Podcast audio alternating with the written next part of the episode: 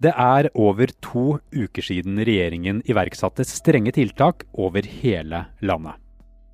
Hadde de ikke gjort det, ville koronaepidemien trolig ha tredoblet seg etter påske, og om lag 145 000 personer kunne vært smittet. Da ville helsetjenesten vårt blitt overbelastet, og ikke alle ville fått den behandlingen de trenger. Men nå går debatten om hva som er den beste veien videre. Skal viruset bremses eller slås helt ned? To ulike helsemyndigheter står mot hverandre. Og Vår anbefaling er at man fortsetter å gjøre tiltak for å forsinke epidemiens utvikling. Vårt hovedbudskap fra Helsedirektoratet er det samme som regjeringens hovedbudskap. Og det regjeringen har valgt, får konsekvenser for oss alle sammen i lang tid. Dette er Forklart fra Aftenposten. Jeg heter Andreas Bakke Foss. Det er fredag 27. mars.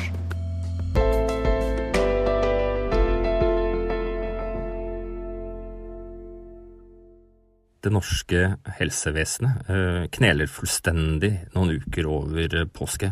Det betyr at det vil ligge tusenvis av mennesker på sykehusene. Mange av dem vil ikke kunne få respirator, og veldig mange vil dø. Det vil være en situasjon som ligner på det vi daglig får eh, høre om fra Italia. Dette scenarioet som kollega Per Anders Johansen beskriver her, er det som kan skje hvis norske myndigheter ikke gjør noen ting for å stanse koronaviruset. Det er ikke aktuelt for Norge, for regjeringen har innført strenge tiltak. Men også med tiltak er det flere veier fremover for å håndtere virusspredningen. Den andre veien kalles bremsescenarioet.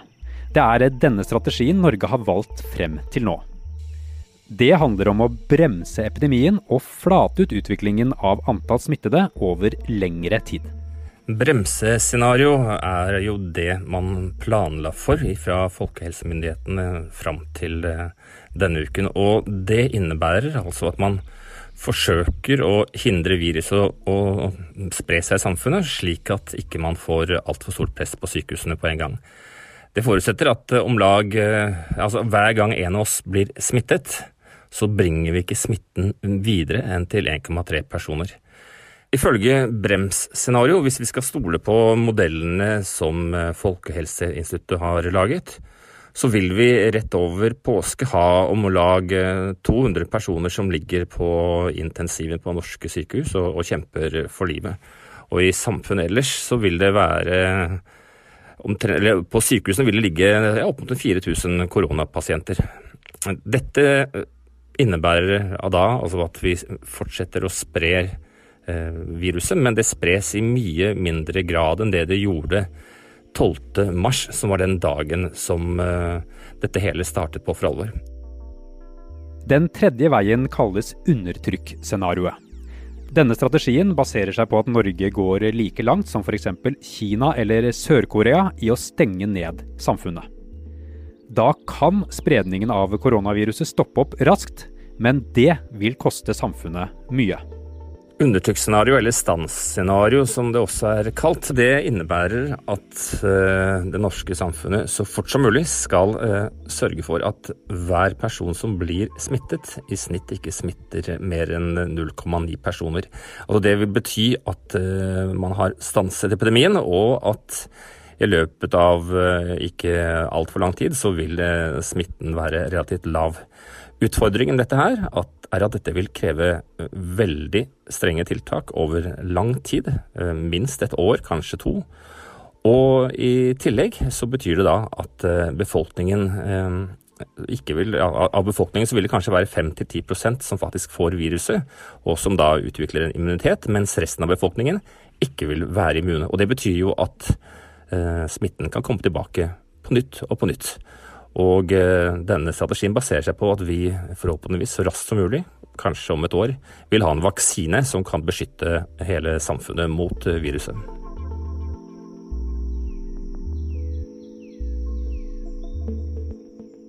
Men ok, Per Anders, så hvilken av disse tre veiene er det regjeringen nå har valgt å gå?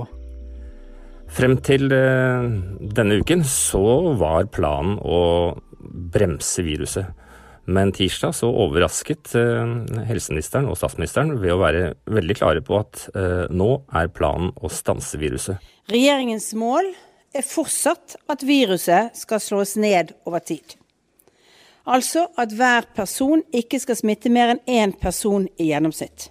Og Det er et meget ambisiøst mål, men det er faktisk et mål som eh, flere andre statsledere har satt seg. Men det er f.eks. ikke målet for helsemyndighetene i vårt naboland Sverige. Og Vår anbefaling er at man fortsetter å gjøre tiltak for å forsinke epidemiens utvikling. Det er mange svar vi ikke har, har klart.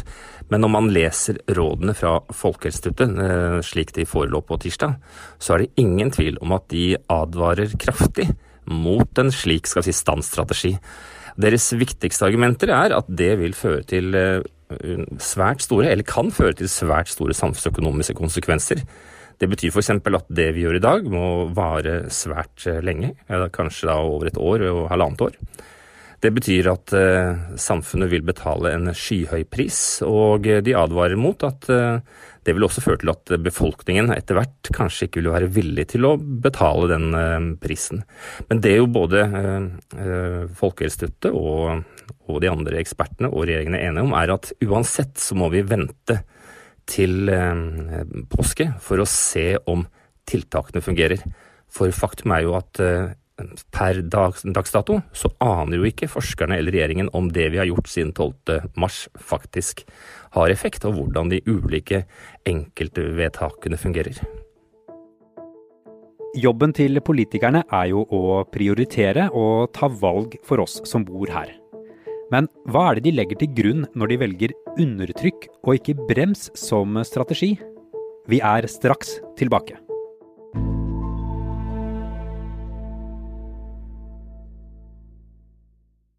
Per Anders, hva betyr det for eh, deg og meg og andre her i Norge at eh, Erna Solberg og regjeringen nå har valgt strategien om å slå ned viruset? På kort sikt betyr det at alle de tiltakene som er gjennomført nå, kommer til å vare eh, i lang tid. Og det betyr også at det kan være aktuelt å innføre enda strengere tiltak hvis man ikke klarer å presse ned dette såkalte reproduksjonstallet, altså det tallet på hvor mye uh, smitte som bringes videre fra hver person som blir, uh, blir syk.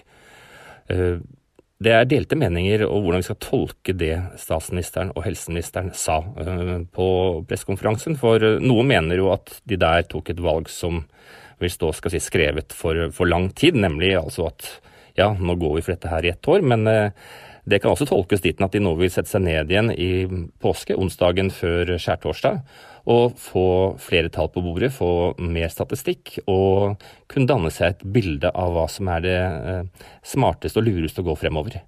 For det som er nøkkelen eh, nå, er jo at helsemyndighetene er eh, nødt til å få mer kunnskap om hva man faktisk driver med. For det er jo en av de tingene som vi har sett så langt.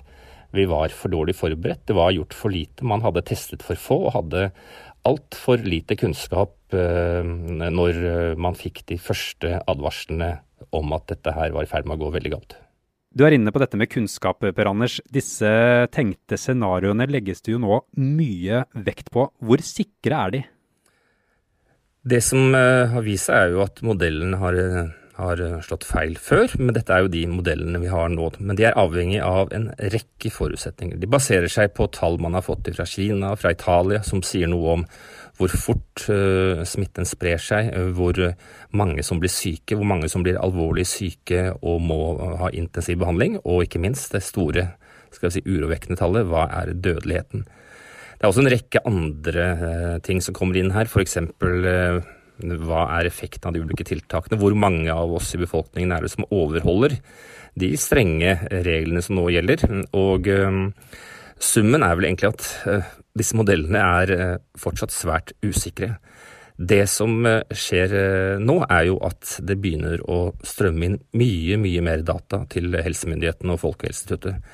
Nå testes det ja, mellom fem og over 10 000 mennesker i Norge hver dag. og når tallene begynner å bli så store at vi liksom nærmer oss altså 100 000 tester, så kan forskerne begynne å lage modeller som sier noe om eh, hva dette her sier, eh, altså hva vi vet om eh, omfanget av den skjulte smitten i samfunnet, og ikke minst eh, hvordan, eh, hvordan epidemien mm, ja, skrider frem og, og berører flere og flere av oss. Tirsdag valgte altså statsminister Erna Solberg sin strategi. Hun fikk støtte av Helsedirektoratet, som samme dag kom med sine anbefalinger for håndteringen av koronaviruset. Vårt hovedbudskap fra Helsedirektoratet er det samme som regjeringens hovedbudskap, nemlig at vårt mål er å slå ned denne koronaepidemien så langt vi kan. De mener det fortsatt er mulig å slå ned epidemien i Norge, og for å lykkes med det, så bør tiltakene opprettholdes, og kanskje til og med skjerpes. Vi har sett at flere andre land har klart det, og tror at eh, vi også kan klare det i Norge. De siste dagene har det jo kommet uh, innspill og rapporter fra flere hold, men det som jo er et felles trekk ved all kunnskap som Helsedirektoratet nå har, er jo at man egentlig vet veldig lite. De trenger flere dager, uh, kanskje en uke eller to, for å få svar på en del viktige ting. Grunnen til at de likevel valgte å gjøre som de gjorde, henger sammen med en rapport som ble laget av forskere ved Imperial College i London.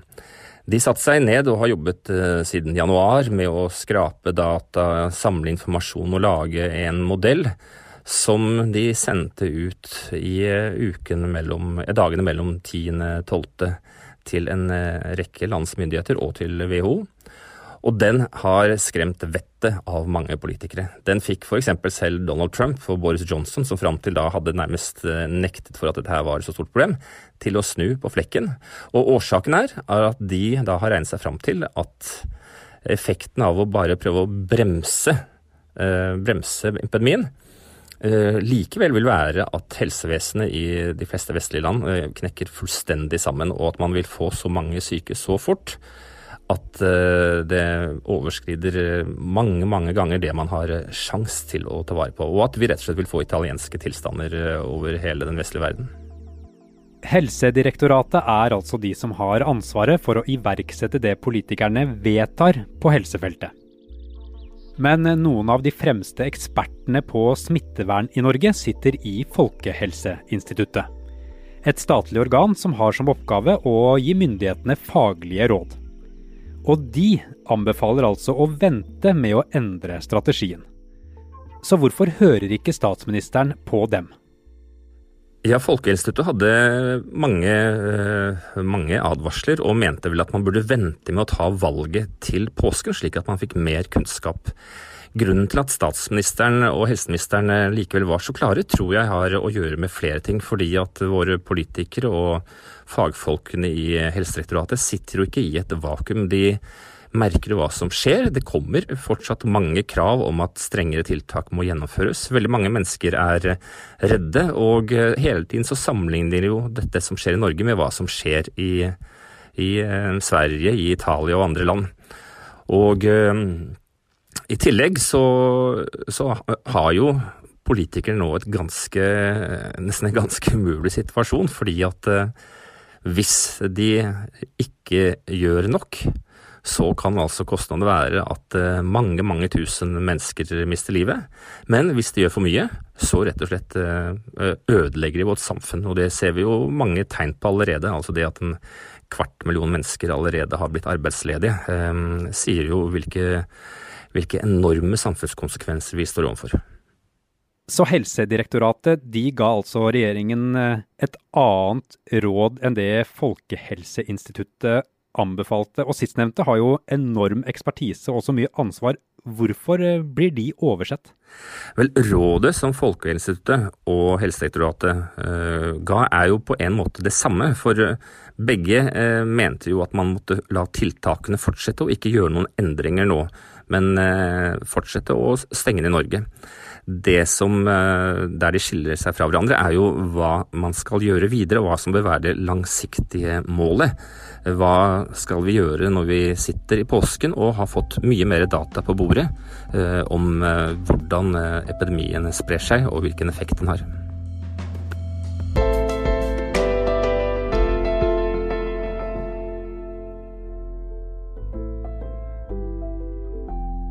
Forklart lages av Caroline Fossland, Anne Lindholm, Fride Næss Nonstad, Kristoffer Rønneberg og meg, Andreas Bakke Foss. I denne episoden har du hørt lyd fra regjeringens nett-TV.